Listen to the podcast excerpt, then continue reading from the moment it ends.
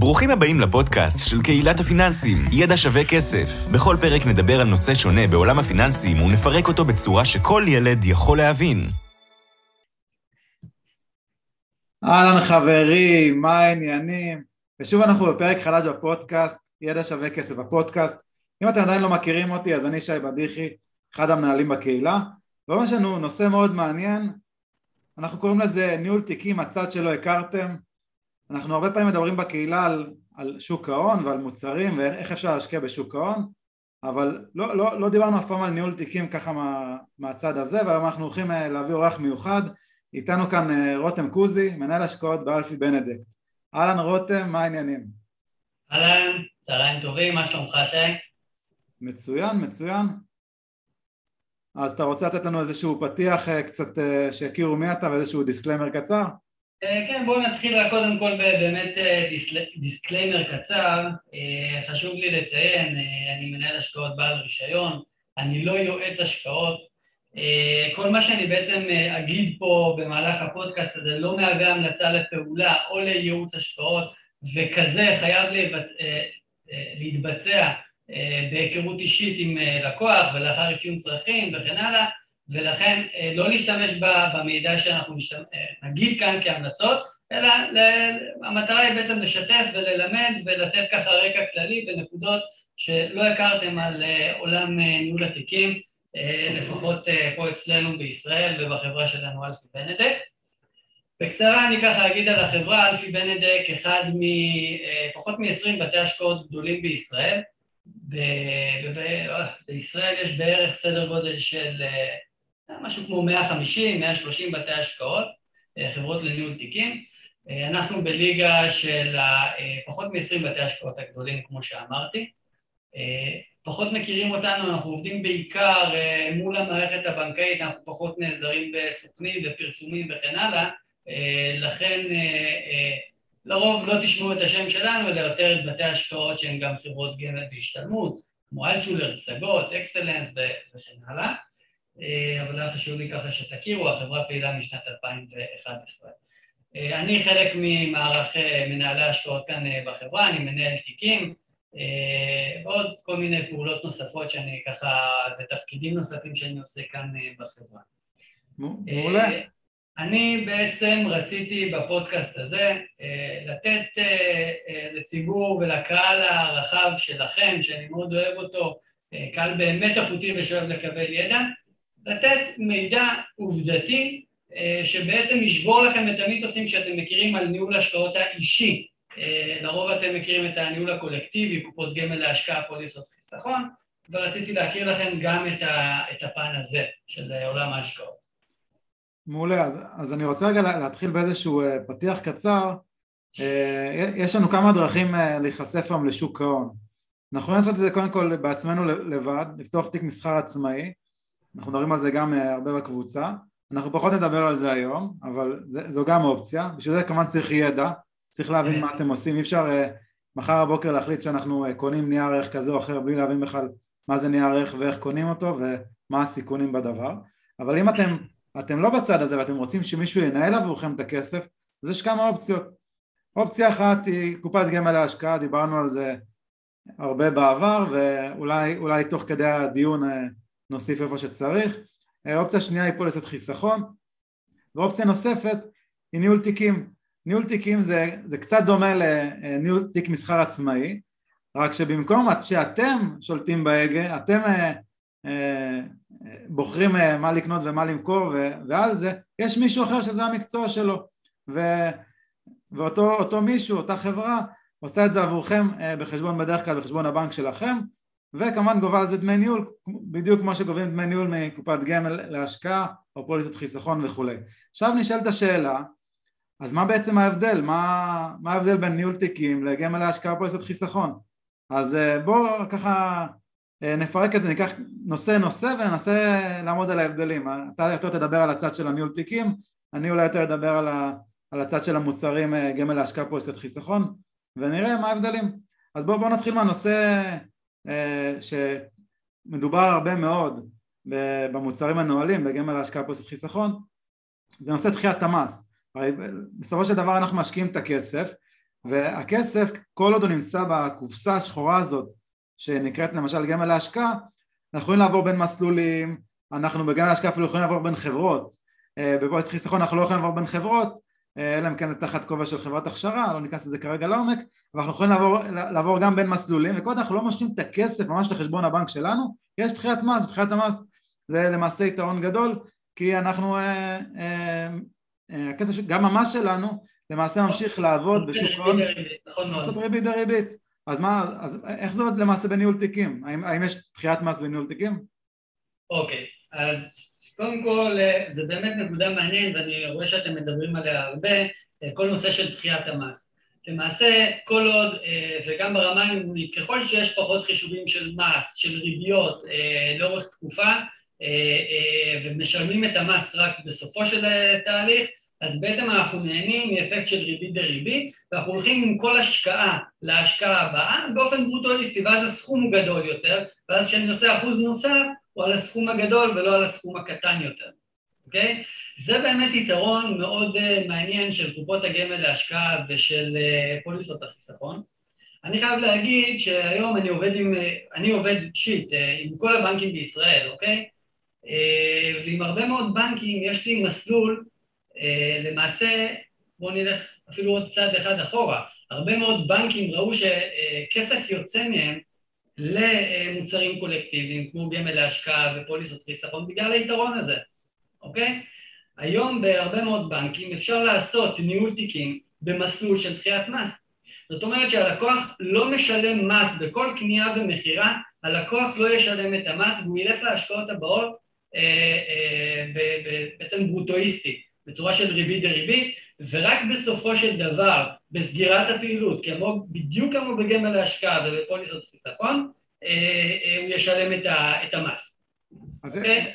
איך, איך למעשה זה קורה? כי יש, יש פה איזשהו הסכם מה, זה, עם הבנקים, זה משהו ממש... נכון, נכון, זה בעצם הסכם של הלקוח אה, מול הבנק, שהוא יודע שהוא בסופו של דבר, בסופו של תהליך אה, אה, יצטרך לשלם את כל המס, ולמעשה ברמה התפעולית זה קצת פחות מעניין אותי, אותי מעניין בסוף, כמו שלא מעניין אותנו גם בגמל להשקעה, איך זה מתבצע תפעולית, אותי מעניין שהלקוח יכול לקבל את הערך הזה, וזה ערך חשוב, אוקיי? בהשקעות שהן מנוהלות לטווח ארוך, גם בניהול תיקים אה, באופן אישי. אוקיי, מעולה. אוקיי? אז אם דיברנו על דחיית מס, שזה נושא חשוב, בואו נדבר רגע על, על תשלום המס עצמו. הרי בקופות גמל להשקעה ופוליסט חיסכון, אם אה, עכשיו הרווחתי 100 שקלים לצורך העניין, אז כשאני אמשוך את הכסף אני צריך להיפרד מ-25 אחוזים, כלומר מ-25 שקלים. אז נשאר לי נכון. בסוף רק 75 שקלים ביד. נכון. איך, איך, איך זה עובד למעשה בניהול תיקים? קודם כל, אה, ממס אי אפשר אה, בעצם להיפטר, הכספים שלנו מנהלים, מנוהלים בגופים מפוקחים, אם זה על ידי משרד האוצר או הרשות, שזה דרך הבנק, אוקיי? וצריך לשלם מס על הכספים, להתחמק מזה אי אפשר. אבל, אה, וזה משהו שחשוב שאנשים ידעו אותו, ולמעשה יש לזה משמעות ו- וחשיבות הרבה יותר גדולה מבחינת התשואה והרווח הסופי של הלקוח, אה, הרבה יותר מאלמנט של אה, דחיית המס, אוקיי? בפוליסת חיסכון לצורך העניין, לאחר שצברת רווחים, אתה משלם מס. המס על מוצרים קולקטיביים כאלה הוא 25 אחוזים, 25 אחוז ריאלי. אוקיי? זאת אומרת שעל אה, כל רווח של 100 שקלים אתה משלם את ה-25 שקלים מס למדינה. כאשר הניהול אה, מתבצע על ידי הבנק באופן ישיר ללקוח, אנחנו בעצם קונים לו מוצרים שונים, זה יכול להיות מניות, קרנות נאמנות, תעודות סל, אג"ח, כאשר בתוך אג"ח זה מתפרק לאג"ח אה, אה, צמוד מדד ואג"ח אה, שקלי. על כל המוצרים השקליים, לא משנה אם זה אג"ח קונצרני, אג"ח מדינה, כל מוצר שהוא שקלי, אנחנו משלמים עליו 15% מס. אם אנחנו ניקח תיק סביר במדינת ישראל, עומד על בערך 30-40 אחוז חשיפה מנייתית, אגב זה גם הסטטיסטיקה בעולם, אוקיי? אה, בתיקים כאלה בדרך כלל החשיפה אה, אה, לאג"ח צמוד ושקלי הם די מאוזנים, כמובן שיש בהתאם לתקופה קצת הסטות יותר לצמוד או יותר לשקלי, אבל על כל המוצרים השקליים שהם בערך 50% מהרכיב האג"חי, אנחנו משלמים 15% מס. לכן אם ניקח תיק של 30% מניות, תיק די סטנדרטי, אז בעצם על 35% מהתיק, שזה חצי מהרכיב האג"חי, אתה משלם 15% מס. בשקלול אה, ובסך הכל יוצא שאתם משלמים בערך בין 20 ל-21, 22 אחוזי מס, כמובן שאני לא יכול להתחייב בדיוק כי זה משתנה בהתאם לרווחים שגם נוצרו מכל נייר, אבל uh, אתה כבר מפחית פה את המס בצורה משמעותית uh, מעבר לקופות גמל להשקעה ופוליסות חיסכון, ששם זה uh, 25 אחוזים על הכל. אוקיי, okay, אז, אז זה, זה באמת, באמת אולי יתרון למי שלא משקיע במסלול שהוא 100% מניות, כלומר נכון, אה, מי, נכון מי, ש, מי, מי שכן אה, בוחר או בוחרת מסלול שהוא 100% מניות אז למעשה זה יהיה, יהיה אותו, אותו מס בדיוק, נכון. ומי שהוא במסלול אה, יותר סולידי, סטייל מסלול כללי או, או רק חלק, או מסלול מנייתי ועוד מסלול נוסף, או בכלל משהו שהוא הרבה הרבה יותר סולידי, אז זה כן, זה כן יתרון שיכול להיות משמעותי. חד משמעית, ככל שהתיק יהיה יותר סולידי ויהיה בו יותר רכיב אג"חי, אז בהחלט זה יבוא יותר אה, לקראתו היתרון הזה, אבל בכל מקרה זה, זה רק מהווה יתרון אה, בצורה אבסולוטית בסוף. אוקיי, יש, יש עוד, עוד עניין שאנחנו גם, אה, לא יודע בדיוק באיזה תאריך הפודקאסט הזה יצא, יצא לאוויר, אבל אנחנו כבר לקראת סוף שנה ואנחנו בטוח נעשה גם פוסט סוף שנה, מה צריך לעשות לקראת סוף שנה, ואחד הדברים שכדאי לעשות לקראת סוף שנה זה, זה לבדוק את השנה האחרונה התקזזות מול מס הכנסה, הרי אם עכשיו יש לי אה, לצורך העניין תיק מסחר עצמאי ונניח אני משקיע דרך איזשהו בית השקעות כזה או אחר בעצמי אז אה, במהלך השנה אה, אם, אם זה בית השקעות אז הבית השקעות ידאג, ידאג להתקזזות של המס בתוך נכון. אותה שנה נכון מאוד אבל אם אה, אני ארצה להתקזז עם, עם אה, עוד שנים, אני אצטרך לעשות את זה א' בעצמי, וב' יכול להיות שיש לי, יש לי אה, אה, ניירות שהם כרגע בהפסד שאולי אני ארצה לממש אותם בצורה יזומה כדי, אה, כדי להפחית את המס עם משהו שאני מורווח. יפה מאוד, אז אני יכול לגעת בזה, בזה בעצם אה, אה, לעשות אה, התאמה אה, או אופטימיזציה של המס שלך, נכון מאוד. אז אני אישית כמנהל השקעות ואנחנו כחברה מסתכלים על הלקוח באמת בצורה ככל שניתן כוללת ועוטפת אני מקווה מאוד שעושים את זה גם כן בבתי השקעות אחרים, גופים אחרים שאני עבדתי בהם אני יודע שעושים את זה. אז באמת לקראת סוף שנה אנחנו הרבה פעמים uh, בוחנים מה כמות המס שאנחנו צריכים בעצם לשלם והאם יש אה, אה, הפסדים שניתן לקזז אותם ובאמת באותה השנה אני יכול למכור אחד כנגד השני ולצמצם את, אה, את חבות המס שלי, אוקיי? שזו נקודה מאוד חשובה, אנחנו עושים אותה אה, תמיד, אוקיי? בקופות גמל להשקעה ופוליסות זה קצת פחות רלוונטי. אה, עכשיו, לא רק זה, אה, ספציפית אנחנו משתדלים אה, לעזור ללקוחות שלנו, אני אישית מבקש מלקוחות שלי שיעבירו אליי גם על תיקים אחרים שהם מנהלים וגם על השקעות שלהם מהעבר עוד כשהם לא היו לקוחות שלנו, טופס שנקרא 867, אה, שם אנחנו בעצם רואים את כל הרווחים וההפסדים שהיו להם, אפשר עד שבע שנים אחורה ובעצם אנחנו עוזרים להם גם כן למלא את הדוח ולהגיש את המסמכים למס הכנסה, ככה שהם בסוף מקבלים פה שירות שהוא אקסטרה והוא ערך מוסף שלא ניתן לקבל אותו כבורג קטן או כלקוח קטן אה, בגופים שהם הרבה יותר גדולים. אוקיי, אז זה, זה ככה יתרון אישי שלנו, אבל זה דבר שהוא חשוב, אה, צריך לבדוק את זה לאורך השנים, האם יש לך הפסדים מהעבר ואתה יכול להתקזז בגינם. אז, אז זה דבר שבלי קשר לניהול תיקים או לא ניהול תיקים, אם יש לכם תיק אה, שמנוהל בשוק ההון, בין אם אתם מנהלים בעצמכם או מישהו מנהל עבורכם שוב בתיק מסחר, אז אה, תמיד כדאי לבדוק אה, אולי מגיע לכם אה, החזר מס וכמה שאם אתם לא צריכים את ההחזר מס הזה בשביל לקנות במכולת אז תחזירו אותו לתיק ההשקעות ותרוויחו גם קדימה ריבית דריבית, זה אחלה של טיפ. מעולה, אז הדבר הבא שחשוב לעבור עליו זה אוקיי אם אני מנהל תיק מסחר עצמאי אז לצורך העניין יש, יש איזושהי עמלת מינימום, יש עמלת קנייה ומכירה, נכון, אני קונה נייר ערך, אני מוכר נייר ערך, אז בכל מיני מוצרים כמו אה, גמל להשקעה ופוסט חיסכון, זה עמלות שלא מעניינות אותי, אוקיי, לצורך העניין, אה, או פחות מעניינות אותי, יותר בדרך כלל אנשים שמשווים הם בדרך כלל מסתכלים על דמי ניהול מצבירה. זה בדרך כלל מה שאנשים עושים כשמשווים בין, בין חברות. אז איך, איך, איך הנושא הזה, איך מתייחסים אליו כאשר מסתכלים על ניהול תיקים שמישהו אחר מנהל את התיק אוקיי, okay. אז זה באמת נכון, אני יכול להגיד לך שדעתי האישית זה שעמלות קנייה ומכירה זה הרוצח השקט במרכאות של התשואה של חברות ניהול התיקים, אוקיי? ויש לזה משמעות רבה מאוד, במיוחד בתיקים מגוונים, שאתה מבצע הרבה פעולות של קנייה ומכירה, ואתה נחשף לחו"ל, אז מעבר לעמלות קנייה ומכירה אני אספר לך שגם יש הוצאות של אה, עמלת מינימום תפעולית, ויש לך המורות של מט"ח, ואלף ואחד הוצאות כאלה ואחרות, אוקיי? וזה בהחלט פוגע בתשואה. לי חשוב ככה שהציבור יכיר, לפחות לנו כחברה לניהול אבל אני מניח שאנחנו לא היחידים, יש הרבה חברות כאלה בשוק היום, אנחנו עובדים במסלול עם הרבה מאוד בנקים בישראל, למעשה עם רוב הבנקים בישראל, שנותן פטור מלא מכל העמלות שקשורות לניירות ערך, עמלת קנייה, עמלת מכירה, המרות מט"ח, עמלות פדיון, עמלות ריבית מונפצות, כל דבר שאתה חושב או אפילו לא חושב עליו, ובעצם למה, למה אני הופך את הדבר הזה? דיברנו על דחיית המס, דיברנו על המיסוי, אנחנו עכשיו מדברים על עמלות קנייה ומכירה, אוקיי? אז אם למעשה אני, אני לוקח את כל היתרונות שהיו בעבר לגמל להשקעה ולפוליסות חיסכון ואני עושה להם הקבלה לאותם היתרונות לעולם ניהול התיקים, אוקיי? כי אם אני בעצם אה, פוטר את הלקוח מעמלות קנייה ומכירה וכל שאר העמלות שציינתי, למעשה הוא משלם אך ורק דמי ניהול, בדיוק כמו בקופות הגמל להשקעה בפוליסות החיסכון.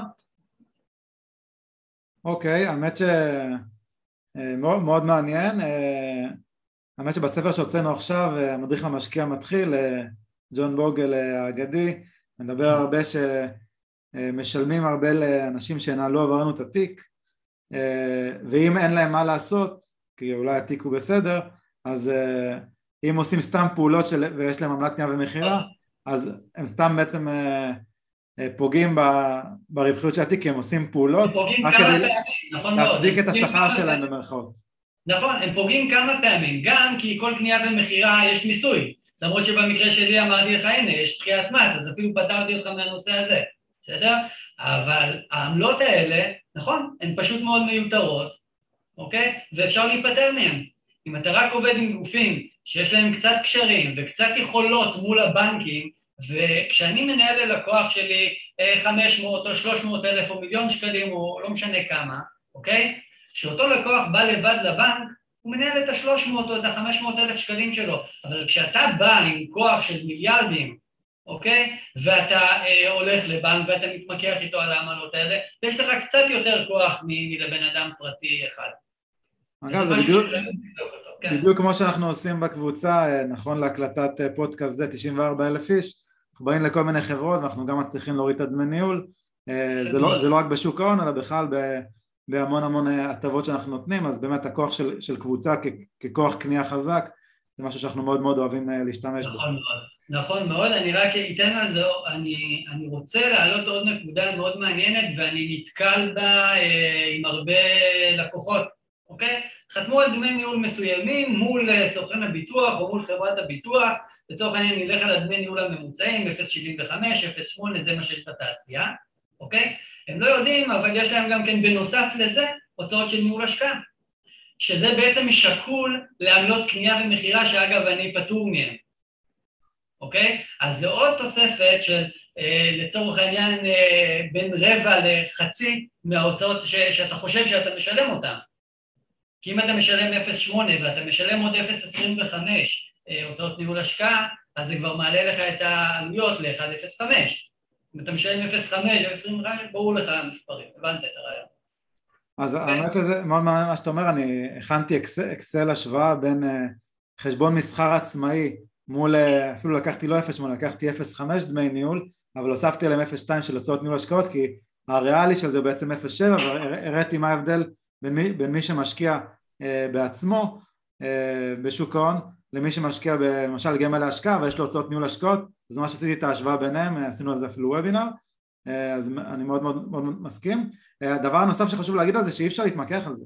זאת אומרת, לעשות ניהול השקעות זה, זה כמה ששמים לנו ב, ב, בדוח, אנחנו אמורים לממן.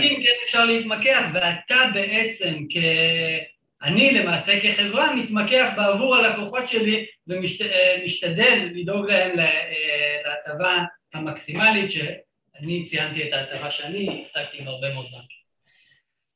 מעולה, הנושא הבא שאני רוצה לדבר עליו אה, שהוא, זה נושא אינדיבידואלי, יש כאלה שזה מאוד חשוב להם, יש כאלה שפחות חשוב להם אני יכול להגיד ששוב, אני בפן האישי שלי אה, זה פחות חשוב לי, אבל גם, כי יש לי גם הרבה מאוד קשרים אה, אבל יש אנשים שזה מאוד מאוד חשוב להם, אני נתקל בזה המון, שולחים המון הודעות בפרטי, זה נושא של שירות, אוקיי? אז שיש למי לפנות ויש מענה.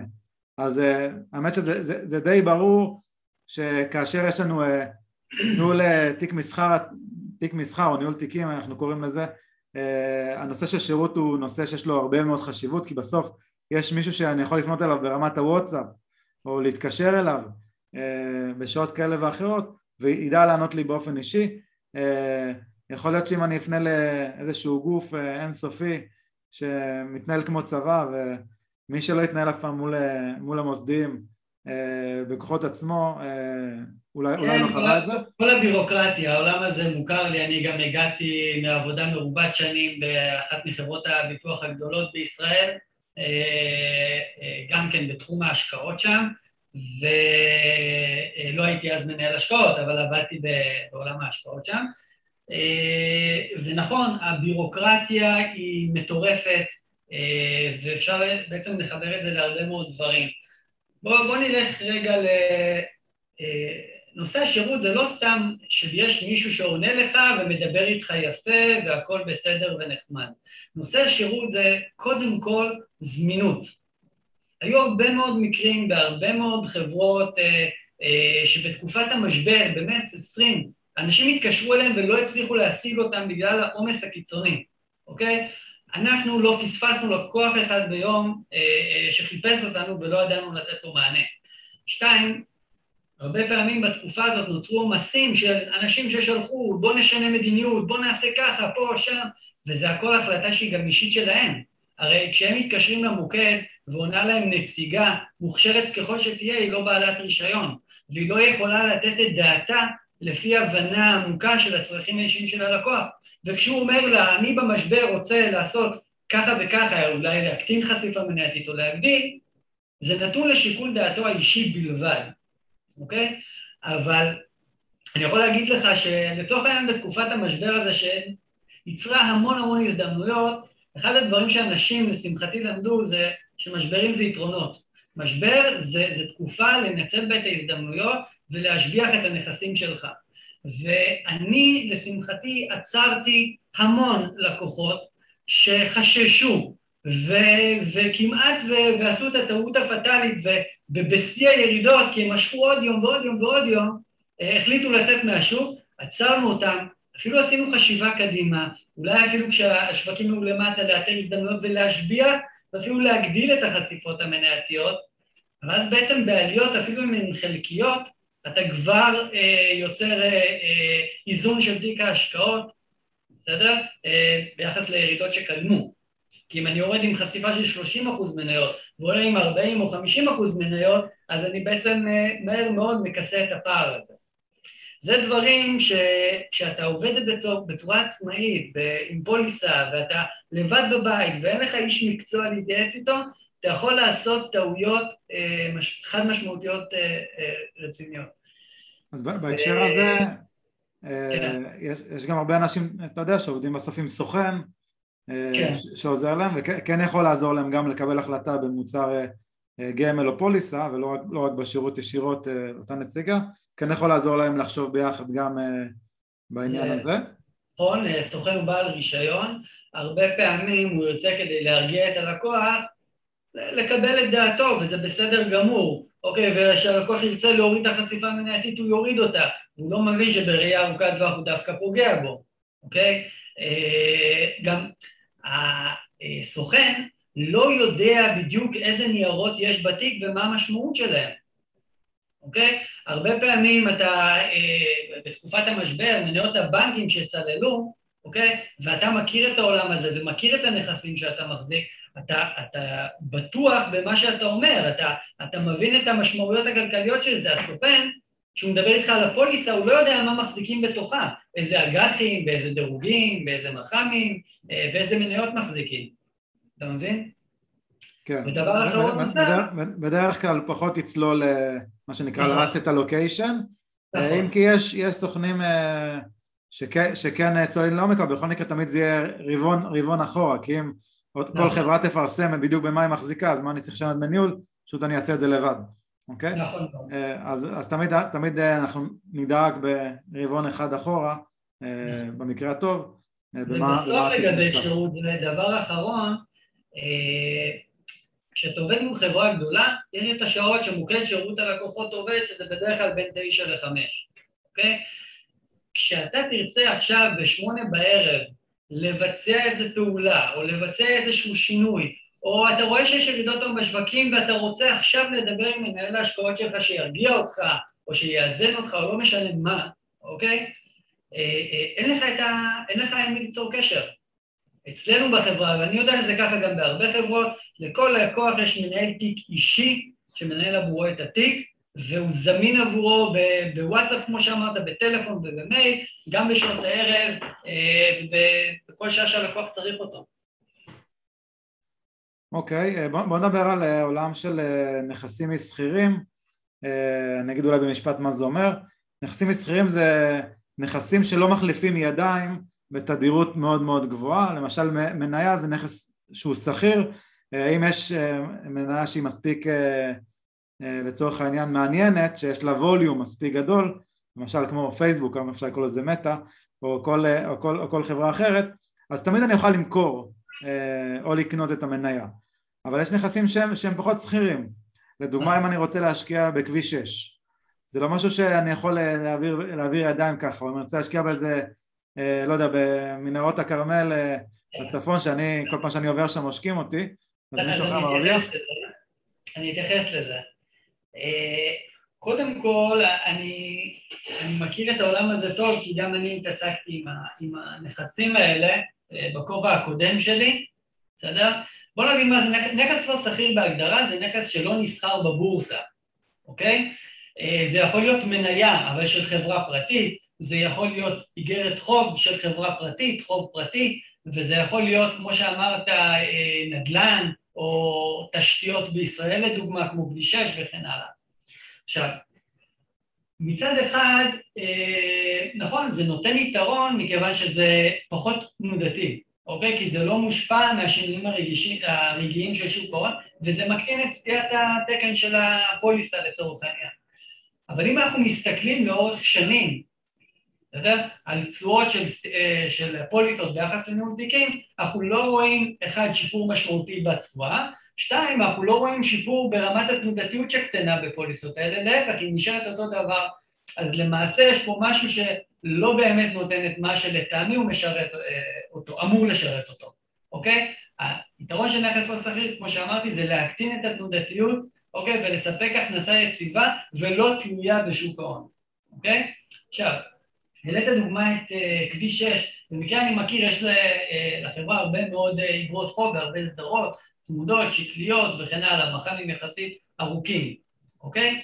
רגע, אני רוצה רגע לעצור אותך, יש לנו קטע בפודקאסט שאם אנחנו אומרים איזושהי קללה, אז תפקידנו להוריד את זה לקרקע, אז מח"ם זה משך חיים ממוצע, כלומר כמה זמן אותו נייר ערך uh, uh, כן. מחזיק, אוקיי? כן. אז, חשוב החיים שזה בצבא שכולם מבינים. נכון, עכשיו, האגרות האלה, בגלל שלצורך העניין כביש 6, זה אג"ח מגובה ביטחונות של מדינה, וזה אג"ח מאוד מאוד יציב והכל, הדירוג שלו הוא דירוג מאוד מאוד גבוה, הוא למעשה הדירוג הגבוה ביותר, אוקיי?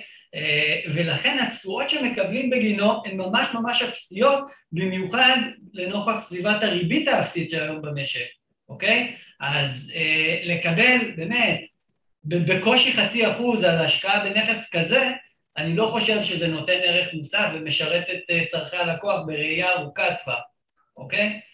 אה, זהו, זה לגבי נכסים לא, לא שכירים.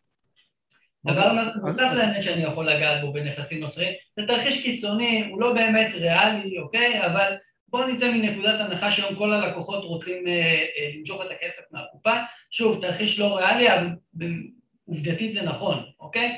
אם אתה תרצה לממש את הנכסים האלה עכשיו בתקופת משבר, או אני לא יודע מה, אתה לא יכול לממש אותם. אין לך מהצד השני מי שיקנה אותם בהכרח. אתה מבין? אה, אז זה קצת גם כן יוצר בעייתיות, ואלמנט החוסר שכירות יכול להווה בתוכו אה, סיכון נוסף. אם אני היום רוצה להיפטר מהמוצר, תחשוב, בתיק השקעות אגב אסור מוצר, להחזיק מוצרים לא שכירים, אוקיי? אבל נניח ואני מחזיק עכשיו אה, מוצר שהוא לא שכיר, ואתה אומר לי, אני עכשיו, עכשיו צריך את הכסף כדי אה, לקנות דירה, אוקיי? אני אומר לך, אבל אדוני, זה לא שכיר, אין לי למי למכור את זה. אה, אה, זה, זה בעיה של היעדר של נזילות של כסף. אוקיי, אחלה. אז, אז אה, חשוב לציין, פשוט לא, לא ציינו, אה, כן. יש פוליסות חיסכון שבהם יש אה, מרכיב מסוים של נכסים לא שכירים, זה גם משהו שהתחיל טיפה, טיפה להיכנס לעולם של גם גמל להשקעה, אבל זה נפוץ יותר בפוליסות חיסכון. והדבר האחרון נראה לי שהנושא האחרון שאנחנו. נדבר עליו בהשוואה בין מוצרים מנוהלים רובנו מכירים גם מהשקעה בפוליסת חיסכון לבין ניהול תיקים זה העולם של אה, נקרא לזה ניצול הזדמנויות למה אני מתכוון? לצורך העניין אם עכשיו אני בקופת אה, גמל באלצ'ולר שחם אז אה, באו אלצ'ולר והחליטו זה מסלול כללי הוא כללי לכולם. אז הוא יכול להיות שהוא 40% מניות, יכול להיות שהוא 35% מניות, אולי 45% מניות. אלה הסדרי גודל פחות או יותר ברוב, ברוב החברות אבל זה יהיה, יהיה, יהיה תמיד לכולם אותו דבר. עכשיו יכול להיות שאני החלטתי כי אני קורא ומתעניין, כי אני מתעסק בתחום, לא יודע, אני עורך דין שקשור לאיזושהי חברה, אני הייטקיסט שאני מבין בשבבים, אני לא יודע מה, אבל אני מבין באיזשהו תחום מסוים וקרה משהו בשוק שאני בתור, בתור שי אה, אה, רוצה אולי אה, לחזק את התיק בנושא הזה או לנצל את ההזדמנות. שוב, אם אני מאמין שאני באמת מסוגל עם הידע שלי לעשות את זה, אז אני יכול יכול בעצמי אה, להיעזר באותו מנהל השקעות ואו ש... או שאני אזרוק לו, שמע יש הזדמנות, או שהוא יזרוק לי, כי הוא אה, חי ונושם את זה, אה, יש פה הזדמנות. זו נקודה מאוד מאוד מעניינת וחשובה, זה הגמישות ההשקעתית. הרבה פעמים לקוחות מבקשים ניירות שאני לא מאמין בהם, והם בהגדרה מחוץ למודל ההשקעה שאני מאמין בו כרגע, אוקיי? אבל אם אתה תפנה לקופת הגמל שלך, תגיד לה, אני רוצה שתאבו לי את ההשקעה בשבבים, או מצאתי איזה מניה כזו או אחרת, לא משנה טובה או לא טובה, ואני רוצה להשקיע בה, אתה לא יכול לבצע את זה.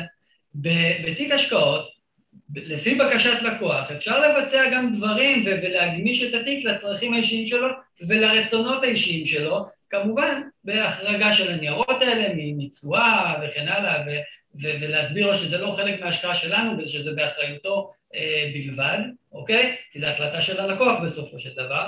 וכן, גם מבחינתי, אני גמיש לעשות לכל לקוח בהתאם לצרכים שלו, כמו שאמרת, את ההתאמות.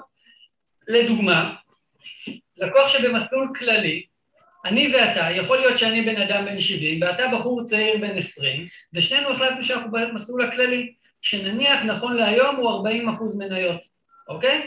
סתם דוגמה. יכול להיות שהמניות שהייתי בוחר לך והמניות שהייתי בוחר לאותו בן אדם השני הן שונות בגלל התאמת הצרכים ללקוח. בקופת הגמל או במוצר קולקטיבי, מה שיש בקופה זה יש בקופה וזה אמור להתאים לכולם. אוקיי? אז זו נקודה באמת שהיא חשובה מאוד. ההתאמה הספציפית, ה-fine tuning ללקוח, אה, אה, זה, זה בעצם אה, לגבי זה, כן. אני חושב שיש עוד, עוד נושא אחד האחרון שלא נגענו בו, דיבר, דיברנו על עלויות של קנה וחיה אבל לא דיברנו על, גם על דמי ניהול. אוקיי, אז, נכון. אז זה נושא האחרון שדיברנו עליו לגבי דמי ניהול למשל לפוליסת חיסכון לעומת דמי ניהול בניהול תיקים. אוקיי, אז אני יכול להגיד לך שדמי הניהול הם די שקולים יכול להיות שהמוצר כמובן, מכיוון שהוא מנוהל אה, בצורה אישית, מכיוון שיש לה קשר ברמה שבועית או חודשית עם לקוח ועדכון אה, אה, ממש ברמה ספציפית לכל לקוח ולקוח, ניהול אולי, אולי, וגם לא תמיד אגב, יותר יקרים, אבל שוב, זה די שקול וזה לעלויות בקופות גמל ובפוליסות חיסכון אחרות, כן? מאוד מאוד דומה. אוקיי, אז... ולפעמים אפילו יותר זול. אז, אז, אז עברנו על, על הרבה מאוד נושאים, אני אסכם אה, את חלקם.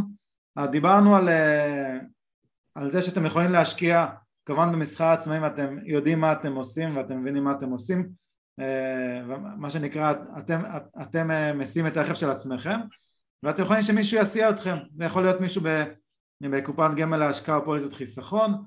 זה יכול להיות מישהו שינהל לכם את התיק שלכם בחשבון הבנק שלכם במה שנקרא ניהול תיקים. דיברנו על נושא, נושא דחיית המס שהוא יכול להיות כאן גם בניהול תיקים וגם בקופת גמל להשקעה, בפוסט חיסכון, דיברנו על מיסוי שאם אתם מסלול שהוא לא מאה אחוז מנייתי אז יכול להיות איזשהו יתרון גם לניהול תיקים, דיברנו על התקזזות של ניהול תיקים שאתם יכול להיות שמגיע לכם החזר מס אז זה משהו שאתם תוכלו לעשות אה, בניהול תיקים ואפילו תוכלו אה, להחליט שאתם מוכרים נייר ערך כדי אה, לקזז בצורה אקטיבית כזו או אחרת ואם אין לכם עמלת קנייה ומכירה אז אפשר גם להתעלם מהדבר הזה, זה, לא למעשה שיקול. דיברנו על קניות עמלת ומח... עמלות של קנייה ומכירה אה, שיש אה, גופים, בסוף, בסוף תבדקו את, אתם עם איזה גוף אתם רוצים אבל זה נקודה שאתם יכולים לשים לב אליה, תמיד תשאלו אם יש להם עמלות קנייה ומכירה, אם זה גוף מספיק חזק אז הבנו שהוא יכול לבטל את עמלות קנייה ומכירה. דיברנו על שירות שזה משהו שאני חושב אה, שברוב החברות של ניהול תיקים זה, זה האס שלהם, אוקיי? אז, אה, אז אה, אם חשוב לכם השירות, שיהיה לכם מישהו שיהיה זמין עבורכם, אז המוצר, אני לא יודע אם לקרוא לזה מוצר, אבל השירות שנקרא ניהול תיקים, הקטע שלו זה שירות בין השאר, אז זה משהו שכנראה קם במרבית החברות. דיברנו על נכסים לא שכירים שזה משהו שלא קיים בעולם של ניהול תיקים וכן קיים בעולם של אה, פוליסת חיסכון לדוגמה, אבל אה, אה, ראינו שיש לזה גם, גם יכול להיות לזה גם חסרונות, תלוי באיזה כובע אנחנו שואלים ואיך אנחנו מתייחסים לדברים, ודיברנו על ניצול הזדמנויות, שלמעשה אתם יכולים לבחור כי יש לכם ידע, כי בא לכם, זה גם, זה גם תשובה, אתם רוצים לסכן חלק מהכסף בצורה כזו או אחרת בנייר כזה או אחר, אתם כן יכולים לעשות את זה בצורה של ניהול תיקים, כמובן בשיתוף וביחד אה, אה, עם, עם אותו מנהל תיקים. ודבר אחרון דיברנו על, אה, על דמי ניהול, כמובן שדמי ניהול זה משהו שמשתנה מאדם לאדם, תלוי במיקוח שלכם, תלוי בחברה, תלוי אם עשיתם איזושהי הטבה עם ידע שווה כסף ועוד הרבה מאוד דברים אז גם זה אתם, זה אתם פשוט יכולים להשוות בעצמכם אז נראה לי שסקרנו את רוב הנושאים המעניינים. אני רוצה רק עוד נקודה אחת, אני יודע שזמננו קצר ועם זה אנחנו נסיים. עוד שני דברים שלא דיברנו עליהם. אחד, זה אפשרות של מינוף היום בקופות הגמל להשקעה בפוליסת החיסכון, בתנאים של סביב הפריים מינוס חצי, זה תלוי בחיתום בין פריים מינוס חצי לפריים פלוס חצי, זה מאוד מאוד זניח, אבל אה, גם בניהול תיקי השקעות היום בבנקים יש אפשרות לעשות את זה באותם התנאים, אוקיי? זה דבר שחשוב שתדע. ודבר שני והכי חשוב, מה המכשול הכי גדול של אה, ניהול תיקים? זה הצגת התשואות שעל פי חוק אסור בניהול תיקים להשיג תשואות, אוקיי? אבל זה לא דבר מדויק. בקופות גמל להשקעה אתה חייב ואתה מציג את התשואות בגמלנט או, או בהר הביטוח וכן הלאה. אנחנו, אלפי בנדק, ואני יכול להגיד לך שעוד חברות עושות את זה, גם בניהול תיקים יכולים להציג תשואות אחורה בדף שמאושר על ידי הרשות לניירות ערך, אוקיי? אה, ואנחנו משתמשים בזה ככלי. נכון, יש גופים שיעדיפו להסתתר מתחת התקנה הזאת, אבל, אבל אני יכול להגיד שכן ניתן להציג תשואות בדף שמאושר על ידי הרשות, אנחנו מציגים דף תשואות מיום הקמת החברה בשנת 2011. אז האמת שזה שתי נקודות מאוד חשובות, באמת שאפשר להציג תשואות ו... ולבדוק, חשוב לציין שתשואות העבר לא בהכרח מעידות על העתיד, אבל אה, מי שרוצה להשוות תשואות אה, כאיזשהו כלי לראות לאורך זמן עם חברה כזו או אחרת יודעת לספק לו אז, אז זה מצוין. ומינוף כמובן שהזכרת שזה נקודה מאוד חשובה מינוף מי שלא יודע זה לקחת הלוואה אה, כנגד אותו כסף שבקופה בתנאים מאוד, אה, מאוד נוחים. התנאים אני חייב לציין הכי, הכי טובים שיש היום בשוק ריביות מאוד מאוד נמוכות יכול אה, לקחת את הכסף הזה ולהשקיע אותו בעוד דברים אה, או לעשות איתו מה, שהוא רוצה אז זה באמת נקודה מדהימה. אז אה, רותם אני מאוד מאוד רוצה להודות לך על הזמן שלך. שמחתי. שמחתי שי תודה רבה. היה לי לעונג. ו, ואתם, אם אתם uh, נתקלתם בפרק הזה פעם ראשונה, אז קודם כל אני מקנא בכם, כי יש לכם עוד המון המון פרקים אחורה, עם המון ידע ששווה המון כסף, וחפשו אותנו בגוגל ידע שווה כסף, או בפרקים אחרים בפודקאסט. כמובן שיש לנו גם אתר ידע מקף כסף נקודה co.il, יש לנו אפליקציה לאנדרואיד למי שרוצה להוריד, ואנחנו אה, נמצאים בכל הפלטפורמות שיש, אז נתראה בפרקים הבאים, תודה רבה. ביי ביי. ביי.